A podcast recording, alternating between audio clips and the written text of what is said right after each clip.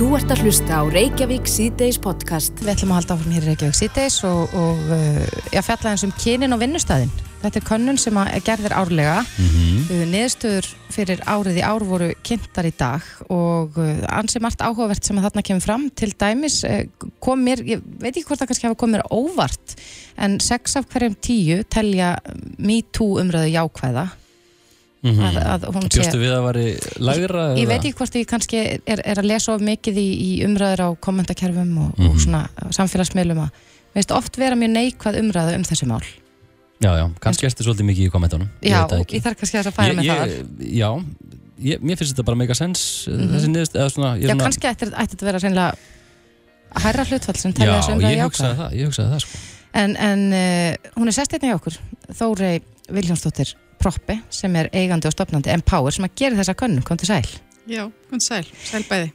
Um, Já, þessi könnun, þetta er annarskipti sem þið gerir hana, hvað eru þið að kanna? Þið eru að senda út uh, viðhórskannanir á, á allskynnsfyrirtæki Já, við erum, sko þetta er samstagsverkefni okkar, Háskóla Íslands uh, Maskinu, Viðskiptaráðs og Samtaka Aturlýsins og við sendum sagt, þessa könnun á öll fyrirtækin sem eru innan þeirra raða, Viðskiptaráðs og Samtaka Aturlýsins og við erum raunverulega að reyna að greina hvort að sko svona mismunandi hópar sé að upplifa vinnustæðina ólíkan hátt mm -hmm. og í fyrra þá byrjuðum við á að skoða kyn, þá sagt bara karlkona og kynsegin og hérna núna bætum við við uh, hinsegin hópnum mm -hmm. og erum að skoða þá hvernig hvort þeirra upplins ólík og næsta ári munum við svo setja inn uh, uppruna þannig að við erum alltaf að reyna að skoða við viljum bara geta borið saman ólíka hópa og, og það eru auðvitað við höfum, þú veist, við tölum svo mikið um það, það sé mismunun og eitthvað slíkt, þannig að við viljum bara fá búið til þá að fá gögnum það. Mm -hmm. Er það raunin?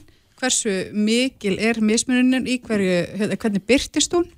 Og eru einhverju hópar sem að verða meira fyrir mismunun en aðrir? Akkurat. Er eitthvað svona þarna sem að kemur mest ávart? Sko það er eiginlega, kannski eins og fyrir mig sem er að bara vinna við frá deg til dags, það er ekkert endilega kannski sem kemur beint og óvart sko, en hérna ég er svona samanlöku kannski eins og með MeToo, mm. uh, það var ekki beint svona eitthvað sem að uh, maður átt að sé ákveðni væri raunverulega, hvort það væri og, og hérna við metum þessu svo að þetta sé nú bara svona frekar gott að það séu alveg hérna 60% sem að séu að horfa á þetta svona jákvægt og hérna og, og, og telja að þetta hafa haft jákvæð áhrif á vinnustæðin en svo er líka mjög áhvert þegar maður speklar þá breytu að það er þess að ef það var ekkert að svara líka þeim sem finnst þetta að hafa neik, haft neikvæð áhrif og það eru helmingi fleiri karlar en konur mm -hmm. sem að telja að þetta hafi haft neikvæð áhrif og það eikst með aldrinum.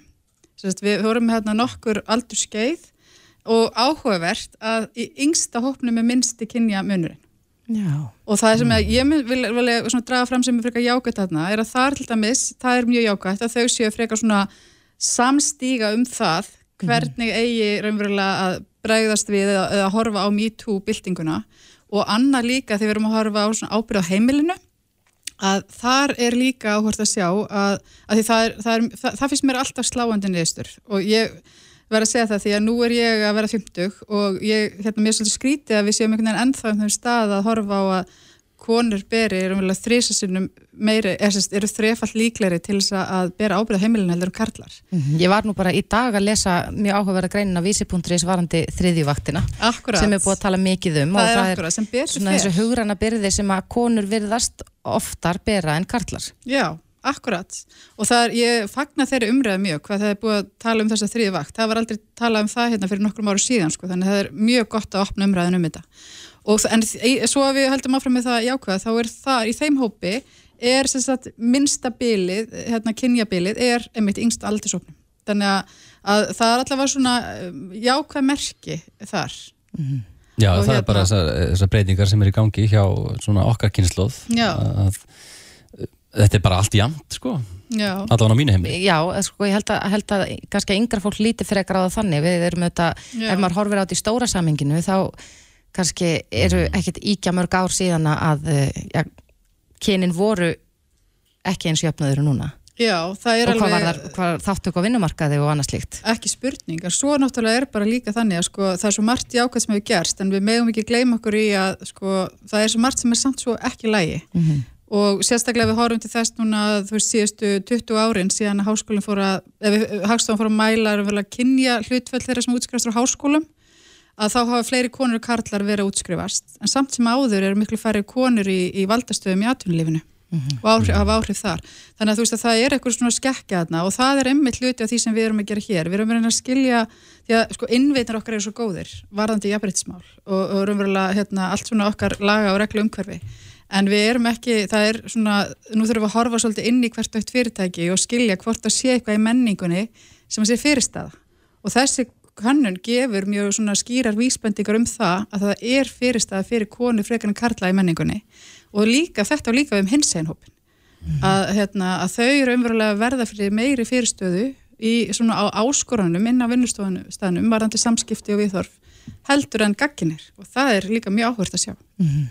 En það, í raun og veru þá fyrstur hún komið með þessa niðurstöður að þá er þetta eitthvað sem hægt er að, að vinna hreinlega í? Já, akkurat. Mm. Það, það er nefnilega sko leiður komið gögn. Þá ertu komin með svona raunverulega, hérna, þá getur þú farið í það að setja verkefni í gangina fyrirtækina og þú getur farið að setja þær markmið byggt á gögnunum og stöðunum sem er í dag. Mm -hmm. Þannig að þú veist að þú raunverulega getur ekki farið að breyta nýttin stöðu fyrir nú þekkir hana og skilur hvernig staðan er í dag. Já, en þeir eru líka þarna að kanna hluti eins, sko, eins og áreitni, kynferðslega áreitni og, og, og fleira þannig á vinnustanum. Er, er merkjanlega munur á kynninum þar? Já, það er munur. Það eru, hérna, þetta eru svona, þetta eru ekki háarprósendur, en auðvitað má maður, þú veist líka, maður passið þegar maður segir þegar baku hvert prósentsteg eru einstaklingar mm -hmm. og við viljum auðvitað hafa þetta null En það eru, sko, konur eru, það eru svona 3% hvenna sem er verið fyrir kynfyrslega áriðni og minnir að það verið kringum 1% karla og þetta, hérna, yngsta aldursopnum er meira byll, að það eru, sagt, hérna, það eru kringum 6% hvenna og, hérna, og, hins einn hópurinn, hins einn fólk verður frekar fyrir kynfyrslega áriðni heldur en gagginett fólk. Þar munaði alveg, hérna, að með minni 3-4% umfrest frá því að vera 6% nei það munaði fjórum í að vera tæplega 2 mm -hmm. þannig að þú veist að það er alveg það, þú veist að það sem við getum hortu gegnum gangandi er að, að þeir hópar sem eru í minni hluta og í þessum hópi er það þá konur og, og hérna hins eða fólk er frekar að verða fyrir áreitni og er líka verða fyrir, frekar að verða fyrir svona uh, óheilbröðum samskiptum og viðhörfi mm -hmm. En, en með svona könnun, þar sem við erum að horfa svolítið heilstætt á, á þetta, nú höfum við þetta lengi talað um sko launajabrætti, mm -hmm. það er eitthvað sem hefur verið til skoðunar í lengri tíma mm -hmm. uh, erum við að færast nær markmiðum okkar um að, að ná jabrætti með því að hafa öll þessi gögn fyrir saman okkur? Já, það sem er svo mikilvægt er að horfa á þetta heildrænt og við erum vel að byrja um að vinna með þessa upplifun og skoða menning og vinnustöðum eftir að að hérna jafnlauna vottanirnar og fóru í, í gang. Og mhm. hérna vegna þess að þá eru fyrirtækinu upplæð, þau eru búin að jafna launin en samt er starfsfólki óanægt vegna þess að það eru ekki upplæð jafnbrytti að því jafnbrytti er bara miklu meira heldur en bara laun. Veist, það er svo margt sem að spila rann inni, það eru fyrirmyndinar á, á vinnustanum og það eru viðþorfin, það eru samskiptin, menningin. Uh, það eru verulega hérna, hvernig, svona, hérna, hvernig framgangur er Eh, það það er svo margt sem að og maður þarf að horfa á þetta svona 360 gráður. Þannig að þetta hjálpar til við svona að horfa heldrænt á jafnbryttsmáli mm -hmm. ekki verið að taka bara eina breytur, launin eru bara hluti á stærri mynd. Og ég fagnar því mjög að við höfum farið í þessa vegferð eins og Íslandi hefur gert. En það eru auðvitað mjög, eins og varandi jafnlauna vottununa, þá getur við umvel að fengja jafnlauna vottun þó að þú sért fyrirtæki sem er kannski bara með eina konu af sex í framkvæmstjórn Akkurat að því hún er sömu laun. En hvað er mikilvægast að gera ef þú mættir bara hérna, ráða eitthvað eitt sem ekki töfrasbrotin góði, hvað myndir þú nota? Uh, það er eiginlega frekar einfalt. Það er það að við værum öll með bara uh, 100% samkjönd gagvart hvert öðru. Það, það væri raunverulega það sem skiptir mestu máli og það er það sem við erum að draga fram að við reynum að setja okkur í spór hvers annars. Mm -hmm. Ef við værum með 100% samkjönd gagvart hvert öðru, þá værum við ekki að mismuna. Já. En við erum að taka kannski lítil, sumstór skref í rétt átt. Algjörlega, það er ekki spurning. Já. Þórei Viljánsdóttir Proppi, eh, stopnandi og eigandi Empower. Kærar þakki fyrir komuna. Já, takk fyrir mig. Þú ert að hlusta á Reykjavík C-Days podcast. Gaðamingandi aðgerðir. Við fengum nú til okkar tvær konur um daginn sem að stopnuðu já, samtök um skadamingun. Mm -hmm og, og svo hefur þetta já, verið mikið bitist um uh, lögleðingu, ekki lögleðingu heldur uh, að gera vörslu neyslu skamta refsi lausa og það hefur verið tekist mikið á um þetta nýra þingi um, en núna á dögunum fekk Dilja Mist Einarstóttir uh, þingmaður Sástæðarflokksins svör við tveimur fyrirspörnum sem hún lagði fyrir ráþæra annars vegar dómsmálar ráþæra og svo heilbyrðis ráþæra sem að tengist þessu og, og Dilja Mist er sest hérna hjá okkur, kom til sæl. Sælubless. Já, byrja kannski á því að segja okkur frá fyrirspurningum, að hverju snúa þær? Já, þessi mál eins og við höfum rætt áður eh, standa mér auðvitað mjög nærri þannig ég hef verið einblýna svolítið á þau á þinginu og ég sendi þarna eh, inn tvær formlega fyrirspurnir annars vegar til helbriðsá þeirra um svona stefnu í skadamingandi aðgerðum, stefnu stjórnvalda og var svona sérstaklega spörja um tiltekna skadamingandi aðgerð og hins vegar um e, vörslu fíknefna þess að refsingar við vörslu fíknefna og það var til dómsmálaráþara mm -hmm. og ég fekk þessa e, svör við þessum fyrirspurnum hann í sömu viku og skrifaði af því tilefni grein sem að byrtast á vísi í gerð Akkurat, varstu ánað með svörin, fegstu það út úr þessum svörum sem kannski óskaðar eftir? Já sko, ef við byrjum á vörslu fíknefna þá kom það mér svolítið óvart verði að segja af því að eins og þú nefnir þá hefur þetta málefni auðvitað verið mikið í deglunni mm -hmm. og mikið rætt og út af þessari mikilvægu viðhórsbreytingu sem hefur orðið í samfélaginu uh, varðin það að við viljum taka betur utanum fólk með výmöfnum vanda e, og koma betur til mótsviða og þannig að það sé meðhandlað í heilbyrðiskerfunu. þá koma mér óvart að í svarnu frá dómsmálar á þeirra að þessu gögn virðast ekki e, vera til staðar e, sérstaklega varandi þessi brot það virðumst ekki vera að halda utanum e, einhvern veginn þennan hóp í refsjóðsleikerfinu og það kom mér óvart ég hefði viljað sjá það og ég hef talið út af þessari háværi umræðu að við værum byrjuð einhvern veginn að greina þessi gögg betur og halda betur auðvitað um þau. Mm -hmm. Þannig að þetta er ekki flokkað eh, þessi brott? Nei, ég, sést, ég gæti ekki fengið, ég óskast eftir því að sjá þróun refsinga í þessu málflokki. Af því að það sem að við vitum, það er það að við vörslu fíknefna e, til eigin nota, svo kallara neslu skamta, e, við því liggur... E, er aðalega beitt sektum sektum er aðalega beitt og það eru sektir sem eru lægri heldur en umfæralega sektir Eh, við veitum að framkvæmdin er þannig og hún er tildulega ný, þetta hefur bara verið að gera síðustu ár eh, að framkvæmdin hefur breyst. Og þannig ég lagði inn þessa fyrirspunn og er að spyrja um tiltekinn árafylgda, eh, cirka áratug að skoða þróunna og hvort þetta hafi virkað, það hafi lögð áherslu á það að þessum málum sé lokið með þessum hætti þó að refsirammin sé annar. Mm -hmm. Sérst að, að hvort það sé í raun og veru þannig að við séum að lúka þessum málum aðalega með sektum Uh, og hvernig svona þeim er að vegna í þessu kerfi en, en þessi gögn verðast ekki verið til Nei. hins vegar kom alveg ótrúlega á, uh, áhugaverð staðrend út úr þessu svari sem er svo hversu gríðarlega stór hluti þessara brota sem að tengja sérst vörslu fíknefni til einnota er í tengslu við önnur afbrot það eru 84% þeirra sem eru teknir með e, fíknefni til einnota svo kallaða nýsluskamta eru sérstaklega inn í kerfinu e, í tengslu við önnu brot. Mm -hmm. fyrirferðarmest eru þá e, akstur undir áhrifum en síðan eru önnu brot eins og til dæmis ofbeldisbrot, innbrot og fleiri brot. Akkurat, nú hefur verið mikið talað um það þeir sem tala fyrir svona skada minkandi úrraðum hafa þetta sagt það að, að sko að í raun og veru þeir sem að glíma við vímöfnavanda eru reynilega mun verðsettir ef að þau eru sektuð ef að uh, skamturinn er tekið af þeim og svo mm. framvegis mm. um, Vilt þú meina út frá þessum tölum að, að,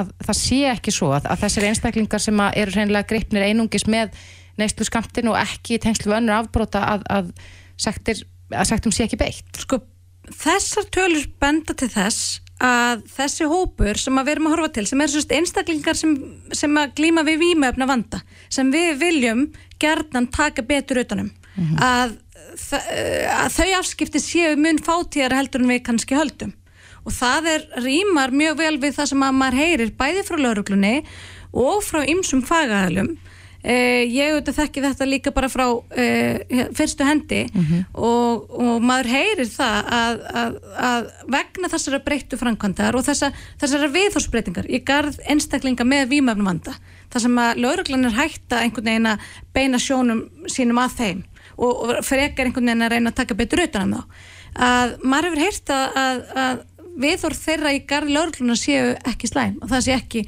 að maður upplifir það ekki þessir einstaklingar séu hrætti við laurugluna eða hrættir að kalla til laurugluna eða hvað slíkt. Mm -hmm. og þessar tölur gefur manni vísbendingu um það að, að þetta sé miklu frekar í tengslu við önnur ábrútt og og það hefur verið auðvitað enginn haldið því, að minnst að kosti ekki ennþá fram að það eigi ekki að refsa fólki fyrir til dæmis glæfræla nakstur eða ofbeldisbrott eða þess áttar vegna výmefna ástands Svo, þau rauk hafa minnst að kosti ekki ennþá verið farð fram. Mm -hmm.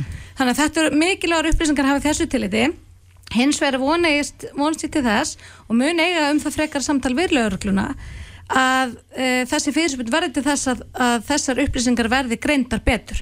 Mm -hmm. af því að, eins og ég segja enn og aftur, að það er svo mikilvægt að við aðgreinum þannan hóp og skoðum hann betur til þess að við getum aðstofa þá sem eru í, í, í þeirri þörf. Já, til þess að greina vandan betur til þess að átta sér almenna láði hvaða leið er best til þess að aðstofa E, mitt og þá komum við að hinni fyrirspurninu sem var varandi skadamingandi aðgerðir og áhersluðu stjórnvalda í þeim efnum og ég fekk bara fín svör við henni uh, svo leiðis og, og ég hef fundið það uh, á, á senstu tveimur helbíðsrátum að minnstakosti að mm -hmm. það mhm. er mikil áherslu og mikil velvili í garð uh, þessari breyttur viðþorfa og breyttur nálguna sem að skadamingandi aðgerðir eru þannig að ég, ég vonast til þess að, að geta haldið bara áfram að veita þessum málum lið mm -hmm. og hef búið ítrekka fram aðstof mína í þeim efnum og ég myndi bara vilja sjá fleiri taka upp e, þennan vingil e, því að þessar umræðu eins og þú nefndir í byrjun þá er, fer mjög mikið fyrir e, þessar umræðu um og sem eru oft e, mjög svona einhvern veginn á, finnst manni á, á, á rángar leið varandi það að við sem er ekki hér harða e, refsingastefnu í, í hérna, fíknarnamálum þegar kemur að einstaklingum með výmöfnavanda e, sem er bara einfallega ekki rétt Uh, ég, myndi, ég myndi vilja sjá meira áherslu lagða það hvernig við getum hjálpað þeim minnstaklingum sem eru í þessum vanda og hefur rægt að þá meðlans mikla áherslu uh, annars vegar varandi skadaminkandi aðgerðir, hins vegar varandi fjármang sem maður þarf að leggja í meðferðúræði, mm -hmm. því að það eru auðvitað brínasti vandin. Já, hvaða skadaminkandi aðgerðir eru já, mikilvægast af þínum mati? Nú hefur auðvitað verið mikil framfyrir í þessu máluflokk á undanförtum árum. Já, við getum nefnt til dæmis uh, breytingar og lögum varandi neslur í mig, það var auðvitað mjög mikilvæg skadaminkandi aðgerð, sömu leiðis uh, nýlegar aðgerðir helbreyðsáþra varandi þessa nefúða mm -hmm. sem mhm. eiga að koma í veg fyrir ofsköndun það er mjög mikilvæg, eh, mikilvægt tæki líka mm -hmm. Ég kannski fæði að skjóta því að hér að við fengum til okkur á um daginn hérna þær, þær sem að stopnuði Mattildi sem er svona mm, samtökum skadamingun og, og já, þær gaggríndu samt sko helbreyðsra á þeirra fyrir það að, að gera þetta ekki reynilega að lausa sölulefi mm -hmm. að, að þetta kemur fólki sem er í vimöfna vanda í já, kannski erfiða stöðu að, mm. að það er ekki eins auðvelt að nálgast það. Ætti mm. þetta að vera enn aðgengilegra fyrir þá sem að, að eiga við svona vandaðastrið? Já, ég þekki þetta mál ekki þannig að ég geti svara því en, en hérna auðvitað veit ég að þær eru sérfræðingar þessu málaflokki.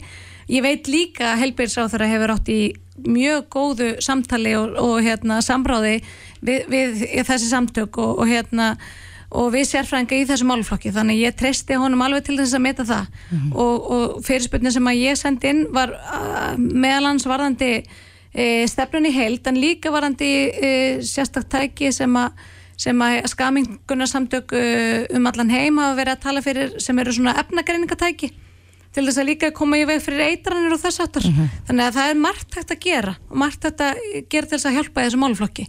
Við þurfum bara að leggja meira áslöða og það þarf auðvitað fjármagn að fylgja. Já. Og það er sama og gildir með meðferðúræðin. Akkurat. Og svo að hafa tölfræðin á hreinu. Og hafa tölfræðin á hreinu, svo við getum tekið betur utanum þá sem að þurfa á því að halda. Akkurat. Já, Dilja Meist Einarstóttir, Þingmaður sjálfstæðsflokksins. Kærar þakki fyrir komuna. Þetta er Reykjavík C-Days podcast. Ég get nú ekki sagt að ég sé, sé sérfróðið þessum efnum, en Nei. ekki, kannski ekki frekar en þú.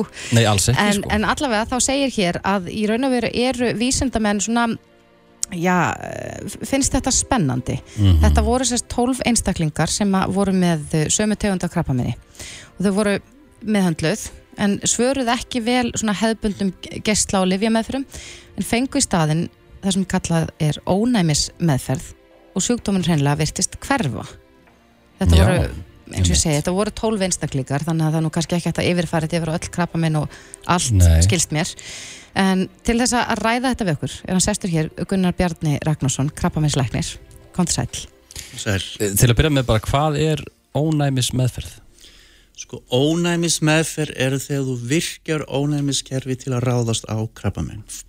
Mm -hmm. Krabbamenn sem slík eru ónæmisbælandi vegna þess að það hafa stökkbreytingar í þeim og, og uh, eiga að vekja ónæmisvar. En krabbamenn finna sér leiðir fram hjá ónæmisvari.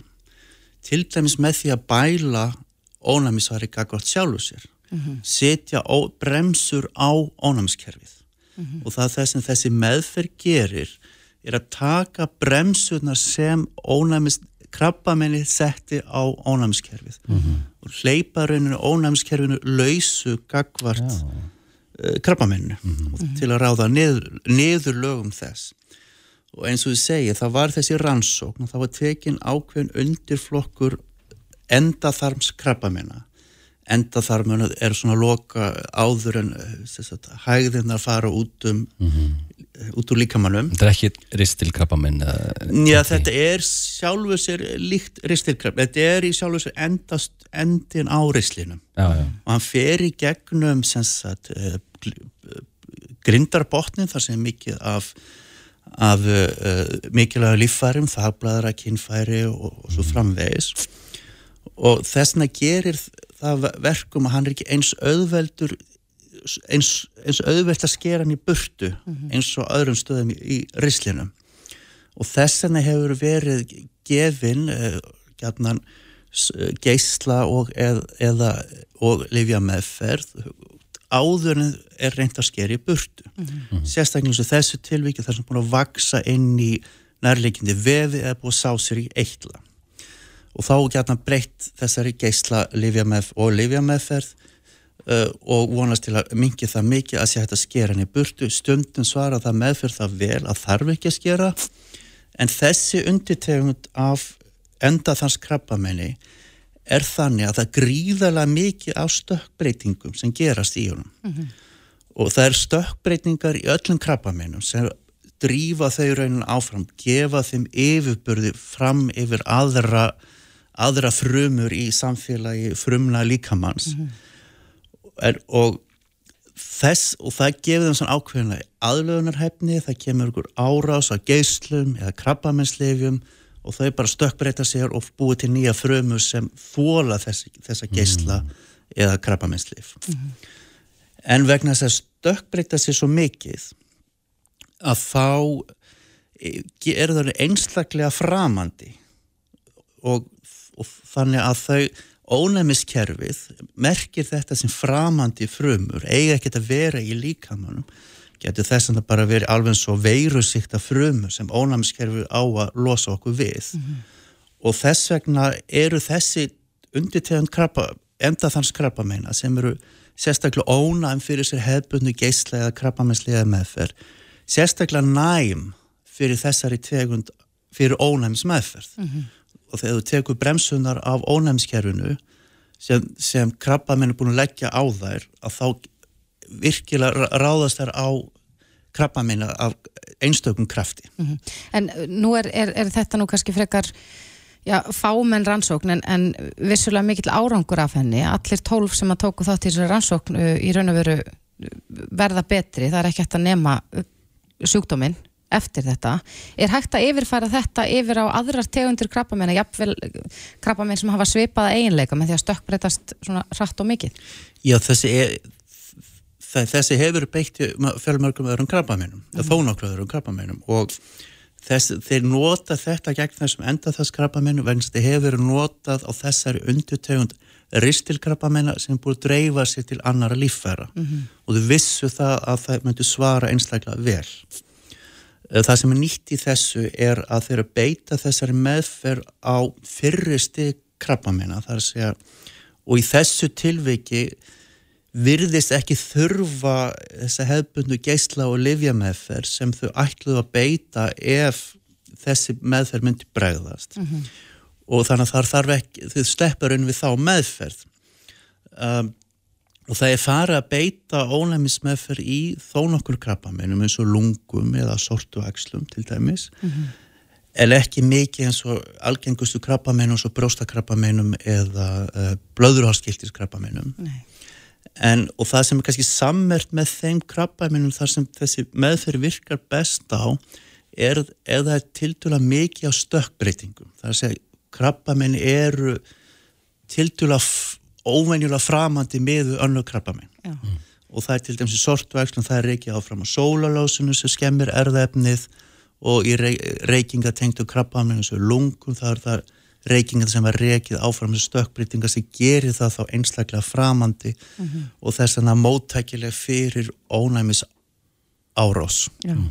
En krabbamenn er nú eitthvað sem að snertir okkur örgulega flest einhver tímur á lífsleginu þó að það sé ekki endilega okkar einn líka með heldur bara hjá aðstandendum eða fjölskyldumæðlumum en og maður hefur oft séð að, að sko, geysla með fyrir, lifja með fyrir, þetta er gríðilega mikið yngripp og, og ansi margar aukaverkanir. Er, er þetta ja, betri kostur, má orða það þannig? Er þetta minna yngripp og, og minni aukaverkanir? Í þessu einstöku, ein, einstöku rannsón var þetta betri kostur mm -hmm. en við veitum svo sem ekki hvort þetta sé til framtíðar. Þetta er til dæla lítill hópur og stuttan tíma en þetta lofar góðu og, og verður vænta til þess að þetta verður rannsaka meira í, í, í, með stærri hópum og því líku og kannski fyllt lengur eftir í þessu tilíku var þetta betra en það er líka gríðilega framfæru orðnar í geislameðferð og krabbamesslega meðferð geislandur orður mjög nýttmiðaður en áður og skemma síðun getið vefi mm -hmm.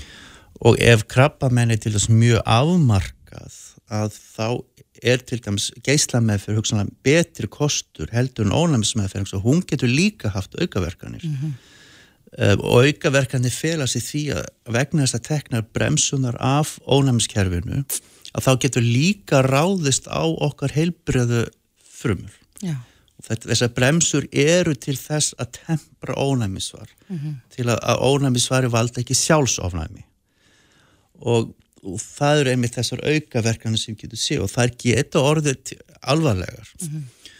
og ef þú myndir til dæmis setja sjúkling sem er til dæmis ámarkað krabba með sem er auðvelt að ná með mjög uh, með hnitmiðan geyslum á ónæmismeðferð sem getur valdið gríðarlega aukaverkunum í, í sumi tilvöku að þá þá, get, þá er þið ónæmismið fyrir sjálf sem verið kostur Já. í þessu tilvikið virtist að vera betri kostur mm -hmm. en þú segir þetta þarf bara að rannsaka frekar Já. En, en í hverju fælst þessi hvað, hvað er notað? Er þetta einhvers konar liv eða hvað er?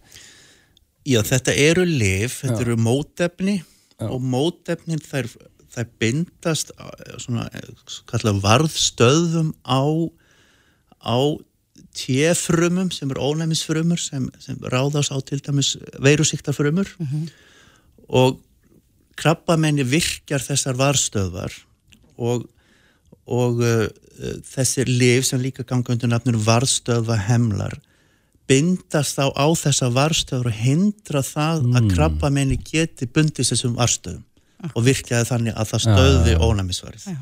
En það er búið að vera gríðarlega mikil þróun í eins og þú talar um sko eru orðinni nákvæmari og, og lifin öðruvísi eh, hljóta að vera mikla framfæri bara á undanfjörðum árum í krabbaminslækningum. Gríðarlega framfærir og eitt af þessu stóru framfærum sem ég hef fengið að fylgjast með vegna þess að ég, svona þegar ég starfa bandaríkjum aðra komið heim og þá svona sérhæði mig svolítið í þessu og stuttar rannsóknir í, á þessu sviði og og maður gæti svolítið fylgst með þessu bara síðasta áratvíun hefur alveg mm. gríðarlega framfjóru þetta er rauninni gjörbilt meðfyrir sumara krabbamennar til dæmis að sortu axlum og fleiru mm. að við erum jafnvel fann að sjá langtíma svörun um, og þó við kannski erum erfð með að kalla að lækningu í öllum tilvikum að þá sjáum við samt langtíma svörun og þróunin almennt er svo að krabbamenn er orði viðráðanlegra og því auðvitað að halda því niðri og, og, og þannig að í sömu tilvíkun er þetta að fara að breytast í, í langvinnan sjúkdóms bara að pari við eins og sikursíki eða háþrýsting. Þá sé kannski ekki læknarlega og þá er hægt að halda því niðri og halda niðri skadalegum afleðing þess. Já, það er, það er góð þróun ég verði að segja mm -hmm. það Gunnar Bjarni Ragnarsson, krabbamennsleiknis Kærar þakkir fyrir komina Þakk ykkur Þetta er Reykjavík C-Days podcast. Það er búið að vara okkur gríðarlega mikið við að undanförnu að uh, vöru verð muni hækka hér landi. Mm -hmm. uh, manni sínist nú að það sé að raungerast. Vöru Já. karfan uh, hjá meðal heimili er að hækka um alltaf 16,6% samkvæmt nýri verðlagskönnun frá ASI. Mm -hmm. Það er ekki góða fréttir. Nei, er hún að hækka, er hún búin að hækka eða hvernig? Mun hún hækka meira, það er líka stóra spurningin. Það er ennþá verið að tala um að ja, innflutt verðbólka vegna stríðsins í, í Úkrænu sé ekki enn komin hinga til lands þannig að maður veit ekki alveg í hvað þetta stefnir mm. en hún er sestið hjá okkur auður Alfa Ólafsdóttir, verkefnastjóri Verlags eftirlits ASI, kom til sæl Já, sæl um, ja, Þetta, er þetta ekki frekar sláandi tölur að, að uh, karvan sé að hækkum alltaf 16,6%? Jú, þetta eru ansi háartölur og svona herri en við erum yfirlegt að sjá mikið herri en að veru, við reyndar sáum Um, já, svona miklar hækkanir hérna í byrjun COVID, á fyrstu mánuðum COVID, en þetta eru já mikið uh, meira hækkanir en við eigum að vennjast. Uh, en þetta er sérstaklega verukarfa að þessi andur speklar almenn matar yngöp meðal heimilis uh, og hérna, og sérstaklega vægi maturflokkana innan verukarfuna byggir á vísutölu neysluverðs. Þannig að hérna, já þetta er svona ákveðin karfa af verum, það eru þetta ekki allar verur hann inni, en þetta eru þessar hérna mest kefti og algengustu verur. Mm -hmm. Og það er mikið, mikið munur á milli búða? Já, við erum að sjá að hérna, e, verslunin það sem að verukarfan hækkar minnst í, það er hann að hækka um 5,1%, e, það er krónan, bónus er þannig með örleiti meira hækkun sem er 5,7%, svo erum við að sjá að hérna, hengu upp þannig leiðir með 16,6% hækkun á verukarfinni e, og hérna, já, Æslandi með næstmæstu hækkunna sem er 12,4%, þannig að mm. þetta eru Já, greiðilega miklar hækkanir. Hvaða vöruflokkur er svona hækka að meðaltali mest? Uh, við erum að sjá mestar hækkanir á mjölk, ostum og eggjum. Uh, svona meðalhækkun á mjölkurvörunni, ef við tökum bara meðaltali af hækkunni í þessu flokki hjá verslunum, uh, þá er meðaltali sérst 14% mm. sem er hérna mest og hérna, já, og svo er kjötið að hækka tölvört og ávægstir á grammeti, en hérna það þarf að setja Þannig fyrir var á að grammiti ávöxtur og kjöt, þetta eru þeir vöruflokkar sem að sviplast mest í verði, þannig að það getur verið hérna, já, komið inn eitthvað grammiti ávöxtur og svo kemur eitthvað, eitthvað frá okkur öðru landi sem er þú veist ódýrar að dýrar þannig að hérna, það er ekki alltaf alveg að marka það. Mm -hmm. Mm -hmm. En þetta eitthvað... eru, já, þetta eru þessir svona, hvað segja, þessir veiga mestu flokkar, mm -hmm. brauð og korn var að líka hækka mikið á mennu sjáum sko flokka eins og Já, drikkjar var á hérna svona ymsar matverur sem samanstendur meðal hans af uh, dósamat og þurrmat. Það er að hækka aðeins minna en samt erum við að sjá þú veist þeir flokkar sem er að hækka minnst í verði er að hækka meðaltali um þú veist í kringum 6%. Mm -hmm. Mm -hmm. En þetta getur auðvitað skipt heimilin greiðlega miklu málu og við erum auðvitað alltaf að fá fréttir af sko hækkandi stýrivöxtum og, og verðbólku og, og fleira, elsneitisverð og matvaran og, og svo er verið að vara okkur við að þetta munir hennilega að hækka. Er, eru þið að, að reyna eitthvað að spá í spilin? Vitið þið, auðvitað vitið ekki frekar en neitt annar hvernig þetta mun vera, en óttist þið það að þetta munir fara hækkandi? Um, já, þetta er bara góð spurning en líka flókin eða svona svari við henni allavega það eru þetta fjölmörgi þættir sem að hafa áhrif á verðlag og vissulega eru ymsir kostnar þættir að hækka. Um, en það eru líka jákvæðir þættir í rækstarar umhverju fyrirtækja e, meðal annars maturvöstana sem hafa verið að já, sem ætti að koma til lækunar upp á móti. Þú veist þannig að það að einn kostnæðilegur hjá fyrirtækjum hækki um, það þýðir ekki það að það eigi að skila sér beint út í verðlag. Mm -hmm. þetta eru þetta, ég menna fyrirtæki ættu samkvæmt kenningunni að reyna að halda, eða, já, halda verðlæðinir og, og hérna hagra það eða þess að velta öllu beint út í verðlag. Mm -hmm. en manni finnst maður ekki alveg að vera að sjá það. Nei, það hefur þetta verið mikið ákall um það að, að fyrirtækinn taki þátti að hemja verðbólguna líka. Ekki einugis að þessu, þessu sé öllu velti verið á heimilin landinu. Algjörlega, og við erum auðvitað að sjá sáum núna eftir áramót mjög góðar afkomitölur hjá maturvöslunum þannig að svona miða við orðræðina hjá forsvarsmennum þessara fyrirtækja um að verðhækkanir séu bara óumflíjanlegar þá finnst manni það ekki alveg stemma við það sem maður að sjá í ákomintölum mm -hmm. En þessar hækkanir eh, allt upp í 16,6% eh, voru það búast við þessu þegar þið gerðu þessa nýjustu könnun að, að, þetta er því svona gríðarlega mikið stökk? Nei, ég get ekki sagt það og við þetta sáum að verð á matur hækkaði mjög mikið á meðan COVID var um, og hérna og í raun og veru þrátt fyrir að ymsir þættir hafi gengið tilbaka, ég menna það hefur orðið gengið styrking og gengið þeirra svipið um stað núna og það var fyrir COVID. Þannig að við, já, við hefum kannski haldið að, að hérna, verð hafi hækkað, eða hvað ég segja, já það þyrtti ekki að hækka verð svona mikið meira, að þess að verðhækkanum væru í raun og veru mestuleiti þegar komnar fram. Þannig að það væri ekki tilumni til þess að hækka verð meira.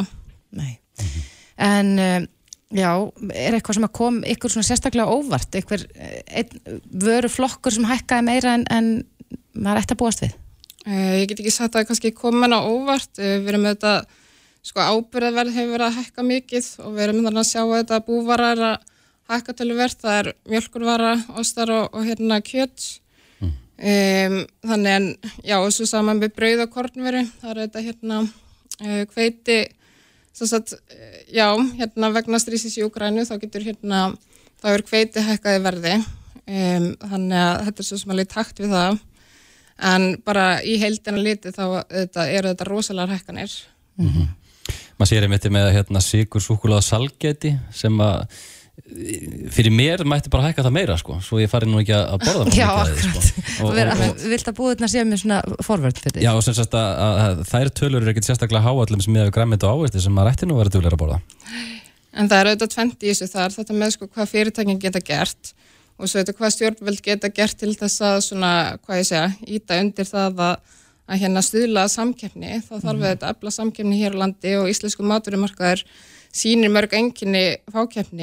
og svo er þetta hvað einstaklingurinn getur gert og þetta þar maður sér svona könnun þá hugsa maður auðvitað bara vá það er alltaf hekka á þú veist hvað ég gerir því mm.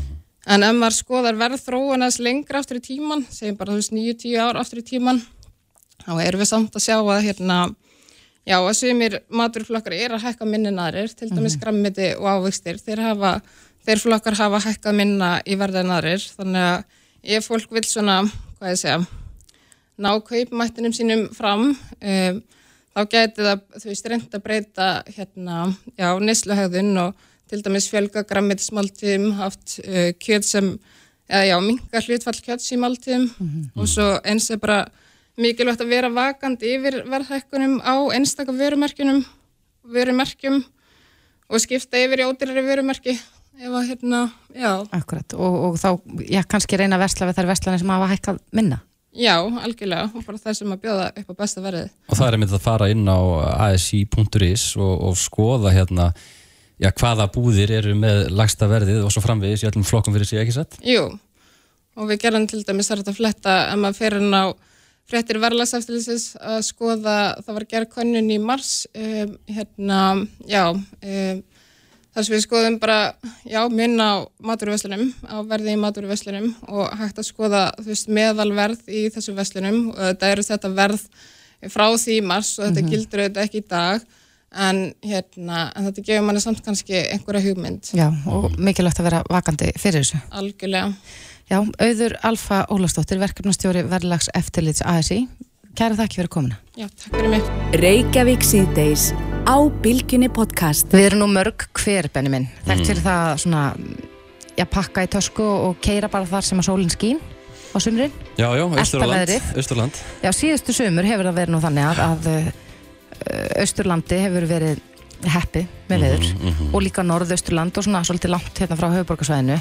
En við heyrðum nú í, í hérna, verkefnastöru hjá Markastofu Östurland sem daginn sem að sá okkur að því að Já, það væri náttúrulega bara uppselt í gistingu fyrir austan í sumar. Já, eðlilega. Þegar hittin er svona góður og gott viður, þá ár eftir ár, þá eldir fólk það. Já, en mér skilst að Einar Sveinbjörnsson, veðurfræðingur hjá veðurvaktinu og blika.is, sé búin að spá aðeins í já, langtíma veðurbóna mm. og hann er á linni, kom til sæl. Já, komið sæl og besið. Hvernig lítur sumar út einar? Sko, ég er nú að, það sem ég hefur að gera, ég bara tólk taka þau gögn og þær spár sem að ég er svona við að ég ringi hérna og þaðan mm. og reyna að lesa úr þessu og, og hérna e, þetta er svona e, þetta er svona áhagamál hjá mér að, að rýna þessar langtíma spár Akkurat e, e, e sko þryggja mánuðarspárnar sem eru reiknaðir í hverju mánuði og hérna og stundum sína það er og að lítið, að lítið að, að pátt sem er á handfestandi en, en, en nú er þetta aldrei látið með það að það er gert að ráð fyrir því að að e, tengja saman í raun og veru það sem er, er, er í gangi í Kirrahafinu, það er þetta lanína ástand í sjónum út á Suður Ameriku og síðan óunlega mikið sjáarhiti e, kringum Indonési á miðböksvæðunum þar mm -hmm. og, og þetta hafi síðan áhrif á stöðu veðukerfa á okkar stóðum hérna við Norðanverða Allansafið á samt sjáarhitanum auðvitað hérna í Allansafinu og, og það reiknast þannig, þannig út að, að það eru alltaf líkur á því að það verður svona, svona læða drag í hálóttunum vestur af Breitlandsegjum og læðirna rennit alltaf þanga í það óttina með, með, með úrkomu og, og hérna fólkjur að leiðenda veðri. Og, og það týðir það að það eru þetta áhrif að veðri hjá okkur og þá eru við að mestuleiti laus við, við svona, svona einhvern sögumar læðagang og uh, þetta minnir dálitið þessi staða og minnir dálitið á frávögg sem voru hér sum, sumar fyrir meirinn tíu ára síðan sem var sumarið 2008 mm -hmm. Hvernig var sumarið 2008? Já, þá var líka hlýfsjór hérna Suðuralandinu eins og er núna og hann hefur áhrif eh, hittafarið hérna það mótast mjög á sjáarhittanum mm. og veðrið 2008 það einkennist af því að það var, var hlýtt sumar uh, almennt síðan það var frekar úrkomu samt sunnan og einhverjum suðaustanlands mm -hmm. og hérna 2008 gerði mjög eftirminlega hýtabilgju hér á Vesturlandi í, í síðar hlutan í júli og, hérna, og það voru svona östlægar áttir ríkjandi. Og síðastu sumar voru vestlægar áttir eða söðastlægar áttir ríkjandi. Mm. þannig að því leitunum til að þá er, er, er, er þessi stað að hún, hún er frábröðin En hvernig er, er það tilfellið að þegar það er einhvers konar súld eða rigning uh, á Breitlandsegjum er þá einhverja meiri líkur að það sé betra veður hjá okkur? Uh, þegar þú segir hjá okkur þá, er, eh, þá getur við ekki sett, sett all landið undir í, í, Nei, í raun og veru það eru, það eru í raun og veru sko þá er, er bleitan eða rakin sem er á hafinu hann er þá frekar að beinast tángað og mögulega svona jæðarans hérna á söður og söðusturlandi mm -hmm. en, en hérna en við erum allavega, allavega lausið að vera í, í beignum skóllinu mm -hmm. þessara, þessara, þessara hérna sögmarlæða Og, og það er doldið skemmtilegt frá því að segja sko, að það eru að talsara spekulasjónir hjá, hjá haðilum sem eru að skoða þess að luti alveg í kjölinn og, og, og þeir teiknaði þannig upp sko, að þeir að samanfer þetta lanína í Kýrahæfinu og heitur sjór vestur af Írlandi í mæ að þá, þá, er, þá, þá er oftast nær fullviðri á breytnansegum komandi sumar Þá við að tala um sko sumarmánuðina júli, ágúst og september. Mm -hmm. Það er þessi spá sem ég er að tólka á nær til þess tíma og reyndar sko skemmri tíma spá svona fram í júni gerum ráð fyrir svona frekar risjóttu veri almennt síðan á landinu og jafnveg frekar svölu en, en að breytingin verði síðan upp úr, upp úr hérna solstöðunum eða Jónsmessunni. En svo var reyndar í fyrra. Já, ég, eins og ég saði einni upphæfa þá erum við nú mörg hver gjörn að það vilja elda veðrið og, og kannski veðrið sem við erum að sækjast eftir er þurft og bjart mikil sól og, og lítil væta er, er hægt að, hægt að veðja á það svona upp úr, já kannski júli hvert fólk á að fara í sömafrínu ég, ég, ég myndi nú kannski ekki segja það að þetta dagsetja tímasetta hlutina í fyrra sömar þá var veðri mjög óvinnulegt fyrir margra hluta sækir og ekki síst, sko, það var ekki bara það að það hefur verið mjög lít á Norður og Östurlandi og reyndar með lígindi þar frá því í júli og fram í september. Heldur var, eh, var það sko, það var svona eins og að væri bara fast, það var ekki eins breytilegt eins og við höfum að vennjast á sumurinn. Mm -hmm. Það sem fólk getur reynlega eld verið með því að kera að landshornan á millu einni viku sko. Mm -hmm. og, og, og mér finnst nú frekar ósennilegt að það verði aftur upp á teiningum, þannig að verði nú svona frekar að það, það skiptist eitthvað á milli, milli landsluta en þó má tólka þessa spár þannig að það verði þá frekar östlægar vindáttir heldur en suðvestan og vestanáttur eins og fyrir það er verið algengari. Ég læði við mér að fara yfir Breitlandsegja og það týðir bara það að vinda er upp á sig og gera það verkum að það verði austanvindur hér. En hins vegar kemur fram í þessu sömu spám sko hlýjindi eða svona frekar hlýtt um landa allt og það tengi ég bara hérna fráveikum sjáarhittanum allt í kringum landi nema helst hérna úti, úti hérna mitt Íslands og Grænlands. Mm. Þannig að hann er hærri núna sjáarheitin eða hvað heldur hann að verið? Já, já, hann er hærri, hann er, hann er hálri til einnig gráði yfirbúr sjáarheitin Mm og það verður mjög fróðulegt að að sjá það þegar að þegar að hérna Hafráðsfólkstofnun gefur út sínar tölur fyrir sjáarheitan svona aðeins neðar á 50 metra dýpu sem er nú gerðan í kring og það sem þið kynna ráðgjöfuna sína sem ég eftir ljótu nú að fara að koma, það kemur náttúrulega fyrir söndu júni Mm. að sjá hvort að séu sé þessi, þessi hitti sé líka hana aðeins nýri undir djúbunum og þá er það mjög góða settir fyrir okkur. Já. En við erum nú öllu vön hér og, en vonum að, að ég hugsa að það sé nú frekar sangjant ef, að- ef að góða veðri verður svona, svona hér og þar að það verði ekki allt fyrir austan eða norðan eða Já, já, já, já, já, við viljum hérna gerðan skipta þessu en, en Deila svo, á, svo á að það, á að það til og sem er að leggjast í eitthvað í einhverjar, einhverjar vikur Mhm. en, en það er afar fátít að það gerist heilu og hálfu sömurinn eins og það er í fyrra. Já. Já, við býðum spennt eftir að sjá hvort þetta raun gerist ekki allt en Einar Sveinbjörnsson, veðurfræðingur hjá veðurvaktinu og blika.is. Kærar þakki fyrir þetta. Hlustaðu hvena sem er á Reykjavík C-Days podcast. Gerast. Nei. Ég hef tveir svo svona farað á þjóðtíð. Það eru mjög mörg ár síðan. Uh, Það gekk ekkert sérlega vel hjá mér, ef ég morða það þannig. Nú, okkur ekki. Ymsum ástæðum. Þú vilt ekki tala um það í En ég ætla ekki að tala um það í útvarpinu, Nei. við skulum tala um þetta eftir. Ok. En hins vegar að þá er þetta uh, sko, því líka eftirvænting eftir þjóðatíð núna í ár Mhm. vegna þess að við erum auðvitað bara sem betur fyrir búin að gleyma COVID Mhm. að mörgu leiti Já, já. en þetta verður á sínum stað Algjörlega og, og það er nýtt þjóðatíðalag og hún er komin til okkar Klara Ósk Eliasdóttir, hjartanlega velkomin Hjartans þakkir. Þú ert þjóðatíðalagið í ár, eða hvað? Ég er það, já, já. hér sitt ég, lægið í ár. Hvernig tilfinning er það? Það er bara dásalega tilfinning, mikill heiður og opaslega þakklátt fyrir að fá þetta verkefni í hendunar. Já, hvernig ko- kom það tíðin? Það var bara, þeir höfðu samband frá mm. þjóðatíða, þeir þau frá þjóðatíðnefnd og spurði hvort ég væri til að taka þetta mér Mhm. og bara, bara sjálfsögðu var ég til í það. Mhm. Þú gafst nú út í fyrra svona, svona hliðar þjóðatíðarlag Já, eða má sko, segja já, ég er svona eins og ég, ég svona lýsið þið sem mitt innlegg í umræðana svolítið, bara því að það, mér var búin að vera skortur á því að það væri konur sem væri þáttakatur í því að gera hérna, lægið, ég er önnur konan í sögun til þess að gera lægið frá aðtilu og, og ég svona já, fannst svona þurfa að minna kannski á það. Og, og já, gaf út mitt þjóðatíðarlag svona mitt persóna þjóðatíðarlag svona, sem heitir Heim síðustu sumar. Og já, og nú er ég að, sjá um lægið í ár og er ofbáslega já, montinn og, og þakklátt Ef, ef við tölum að meira um þetta í fyrra því að þá, þá stendur þú á stóra sviðinu í COVID og það var enginn í brekkunni. Og ringin Hvernig var svo tilfinning?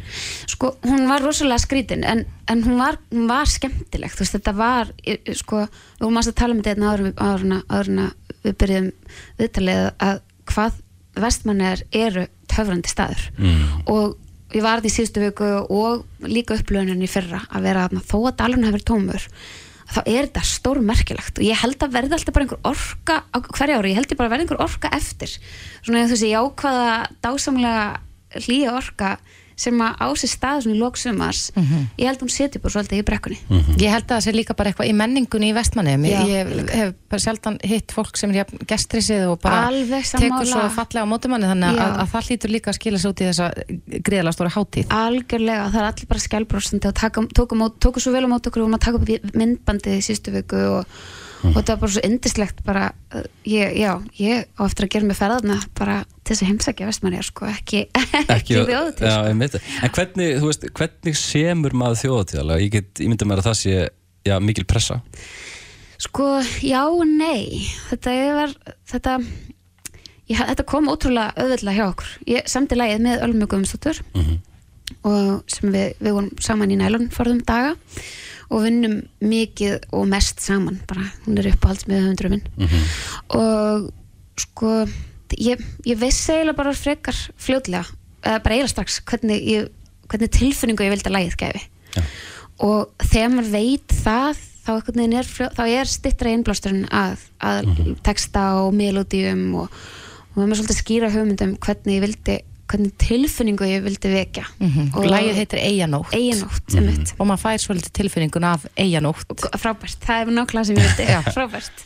Er það samið á eitthvað sérstaklega hljóðfæri? Er þetta bara svona í haustum og... Herðu, þetta það er rosa mísant þegar við erum að semja hvernig það er, en þetta það vill bara svo förðulega til að þetta varð til án nokkra hljófara þetta varð bara til sko bara á svona voice notes byrja um að gera melodíur og melodíinu komið svona eða fyrst, svona kasta millir hugmyndum, svona melodíu pælingum og svo bara textin alveg bara í kjálfarað því og þegar kórusinu var komin að þá byrjuði við að smíða erindin mm -hmm. og svo bara kom þetta bara já, svo eiginlega smíða, svona limdist þetta allt almennilega saman þegar við uh, síðan uh, sungum þetta fyrir pródúsurinn sem við gerðum í gerðum, klárum lægið með pródúsörnum í LA mm -hmm. Já, þetta er gert uh, erlendis. Þetta er, þetta er gert hérna og í LA já. og bara, já, í loftinu, í flugulinu og leiðinu og bara allt saman bara. Svona íslenska leiðin bara. Já, íslenska leiðin ah. En þú bjóst lengi í LA Já. Við auðvitað munum eftir eins og segir hérna í nælón forðum daga, það er svona kemur fyrst inn á sjónasviðum og segja. Ætla, og svo bjóstu lengi erlendis og ert komin aftur heim. Og ert búin að vera duglega við að gefa út tónlist hér síðan þá. Já, ég byrjaði að gefa tónlist aftur og ég var búin að vera að fókusa bara einbita mér algjörlega að lagasmíðum síðustu ár og, og svona stærri hlutin af tímanum mínum sem ég bjó í Los Angeles, ég bjó í LA í, í 11 ár flutti heim í COVID og það var bara þegar ég flutti heim sem ég fekk aftur svona löngunina og svona, og svona uh, metnaðin fyrir því að gefa tónlist sjálf, ég, fyrir mig, Klara að syngja og svona mm. ekki að semja fyrir aðra heldur bara ekki út leginn sem ég er að semja sjálf og Fluttur þú heim út af COVID? Já, já. ég flutti ekki heim til þess að ég, ég, ég var ekki eins og flytti heim sko, Nei, ég, okay, já, ég var bara með einhver einu tösku og ætlaði bara að koma heim og vera bara svona yfir versta tíman því að þá held maður að þetta eru kannski svona drýr mannir eftir mm -hmm. þessu en það var alls ekki svo leiðis og og svo enn mjög fljóðlega eftir ég okkur heim að þá vissi ég bara að ég væri ekkert að fara út aftur. Já, þú ert komin til að vera. Já, algjörlega, ég er ekki leiðin neitt sko. Já, ástfanginn af landi og þjóð og manni. Já, algjörlega, algjörlega. Sem þetta fer, bara það var bara fullt af bónusum sem kom í kjálfæða því að flytja heim. Mm -hmm. En hvernig hafa viðtökunar við læginu verið? Hefur þið fengið mikil viðbröð? Já, opbúslega góð viðbröð opbúslega gaman að heyra hvað fólk er, er, er ánand með þetta og, og, og fólk verist bara, já, vera að syngja með strax og það er það ekki algjörst líkilatri í þessum lögum að þú vilt fá mhm.